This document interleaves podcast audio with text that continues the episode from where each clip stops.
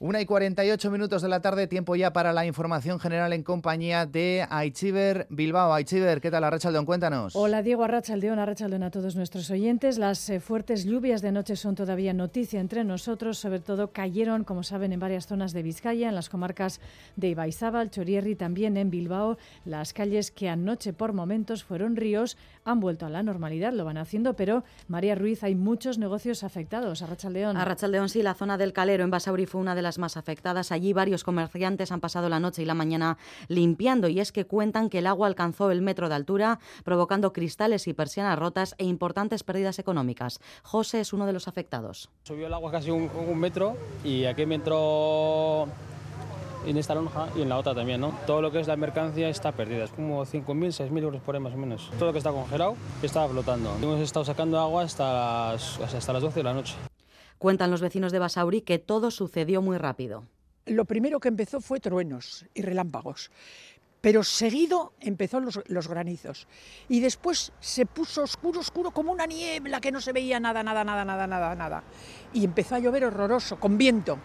En Basauri, de hecho, una mujer y sus dos hijos tuvieron que ser rescatados por los bomberos al verse sorprendidos por la tormenta. Aunque esta no fue la única zona afectada, unas 40 salidas hicieron los bomberos de Vizcaya y de Bilbao a consecuencia de la tormenta. El campo de fútbol de Munguía se inundó, cayeron árboles en Echevarri y en Bilbao, en el casco viejo, el agua bajaba con fuerza por calzadas de Mayona. Calles como Iturribide se convirtieron en un río y algunos garajes se inundaron.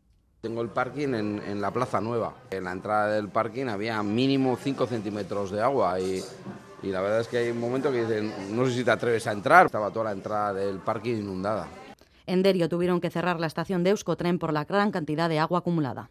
Y atención porque esta situación puede repetirse también esta tarde, María, porque tenemos varios avisos activos. Sí, a partir de las 2 en unos minutos y hasta las 10 de la noche se activa en la comunidad autónoma vasca el aviso amarillo por fuertes precipitaciones. Se prevén chubascos que podrían ser tormentosos, incluso acompañados de granizo, y se podrían superar los 15 litros por metro cuadrado en una hora. En Navarra, EMET ha activado el aviso amarillo, pero únicamente en la zona centro y en los Pirineos, también por fuertes precipitaciones y en Iparral de Meteo France activa también a las 2 de la tarde el aviso amarillo por lluvias y pasarán a alerta naranja a partir de las 4.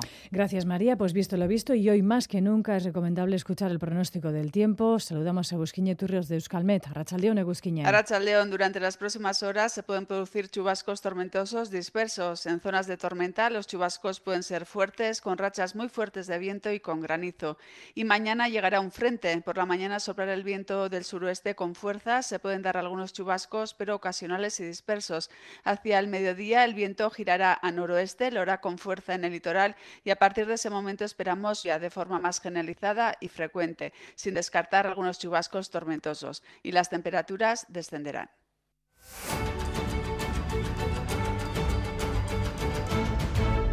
Una y 51 minutos de la tarde, otro suceso de esta noche en la calle Cuchillería, en la capital alavesa. Un portero de un local de hostelería de un bar ha sido atacado con arma blanca, Susana Armentia. Sí, la agresión tuvo lugar en torno a la medianoche en la calle Cuchillería, en el casco viejo de Vitoria-Gasteiz, cuando el agresor ha sido expulsado de un bar y ha vuelto poco después para agredir con un arma blanca en la zona lumbar a un empleado de este establecimiento. La víctima ha tenido que ser atendido por los servicios sanitarios y ha sido trasladado al hospital de Chagorrichu.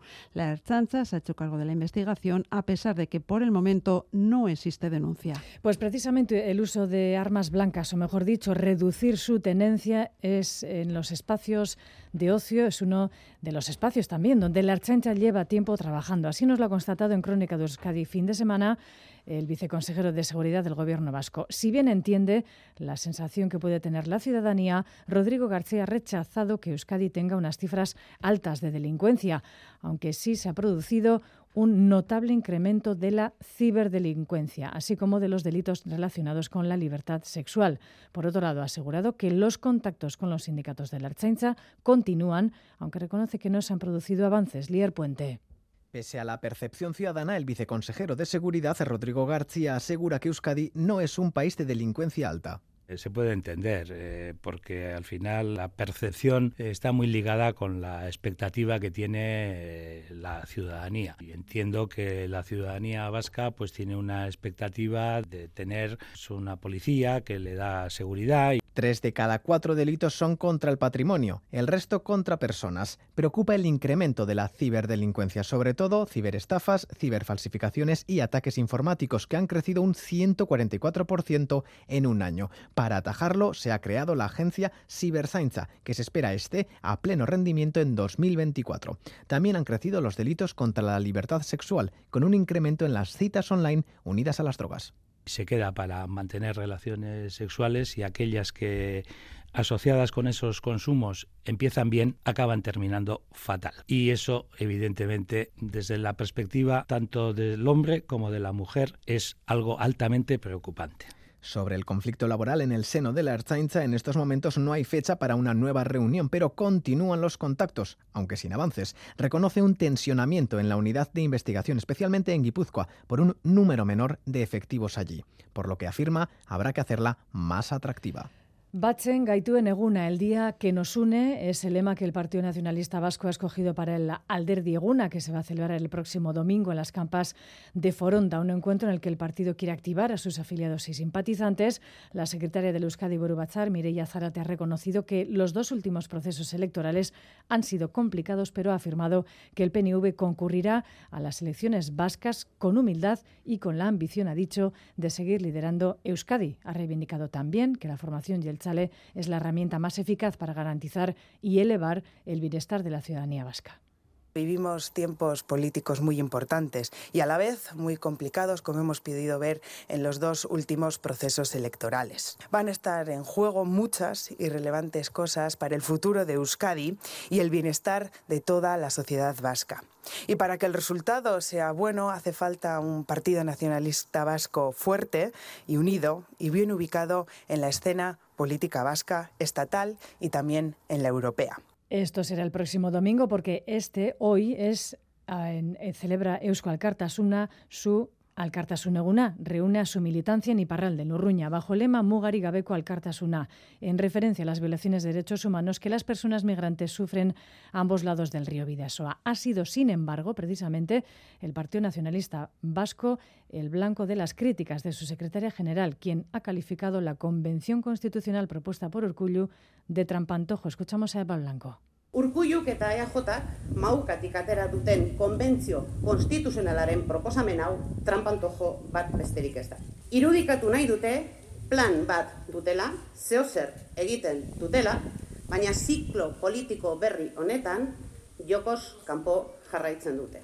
Proposamenak Madrilera begira egin beharrean lehenik eta behin hemen adostu behar direla.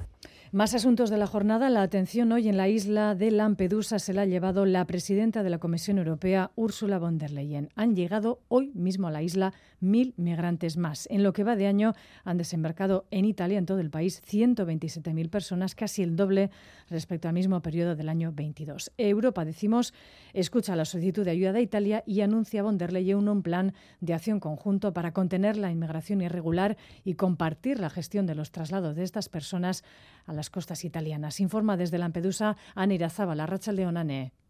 A Rachaldeón ha sido una visita corta de solo dos horas. Ursula von der Leyen, acompañada de la comisaria europea de Interior Johansson, ha querido mostrar su apoyo a esta pequeña isla mediterránea que en las últimas horas se ha revelado contra las autoridades. Irregular migration is a European challenge and it needs a European answer. So we are in this together. Lampedusa es la frontera de Europa y por eso esta crisis necesita una respuesta europea, ha dicho la presidenta de la Comisión, y ha presentado un plan de 10 puntos para luchar contra los traficantes de personas, reforzar la misión naval e impulsar los corredores humanitarios. Von der Leyen y la primera ministra italiana, Giorgia Meloni, han visitado el centro de acogida de la isla durante solo 10 minutos. Decenas de voluntarios han limpiado toda la zona antes de su llegada y hay que destacar que el centro se ha vaciado porque miles de personas ya han sido trasladadas a Sicilia. En estos momentos hay 1.500 migrantes en el hotspot, cuando durante esta semana ha llegado a acoger 7.000 más de la población total de Lampedusa. del Y por su parte, Meloni ha recordado que el objetivo de su gobierno es, en sus palabras, frenar la inmigración ilegal, pero de nada ha servido el acuerdo firmado con Túnez para detener las llegadas. Este verano Italia ha registrado un récord de desembarcos. Y de vuelta a casa en la localidad alavesa de Navaridas, fiesta de la vendimia, hoy donde se ha puesto el valor, en valor el buen momento que vive el sector. Las exportaciones alavesas de vino de, de denominación Rioja han incrementado su facturación en 2 millones de euros el primer semestre. Las instituciones, tanto el Gobierno como la Diputación alavesa, han estado en la cita apoyando a los productores, Ederne Frontela. Incremento en la facturación, también en las exportaciones, que superan los 78 millones y se frena la caída del volumen. Arancha Tapia, consejera de Desarrollo Económico, Sostenibilidad y Medio Ambiente. Los tres incrementan un poquito el precio, aunque todavía continúan en volumen a la baja. Y es ahí donde tenemos que incidir. La diferenciación, la apuesta por la calidad y el buen posicionamiento del vino de Rioja Alavesa es crucial y va a continuar siendo crucial en el futuro más próximo. El diputado general Ramiro González ha retirado su llamamiento a aportar un clima de certidumbre para agricultores. Solicitaba nuevamente un precio justo por la uva. Y ya está en marcha toda la maquinaria de Cinema al Día. El certamen no se va a inaugurar hasta el próximo jueves, pero ya hoy se han puesto a la venta las entradas para los tres primeros días de festival. Miles de estas entradas se han vendido online, pero también se han formado largas colas en taquilla. Las 9 y punto han abierto las ventanillas y lista en manos todos los testimonios que ha recogido nuestra compañera Orkeni Turrioz. Pues de las 3 menos cuarto. A las 6 de la mañana. A las 7. Sí, a las 6 y cuarto. Bostetatik. Zazpitan, ¿eh? Zazpiterritan. Sí, sí, lo tengo todo apuntado, todo. Me ha anotado mi, mi nuera y lo tengo todo eh, escrito. Ofizialeko bat, den, denetik pixka bat. Aukera dute bai baino, a ver, a ver zer daun. Pues con este informativo express, Diego, damos paso ya a la redacción de deportes. Es que ricasco a Itziber.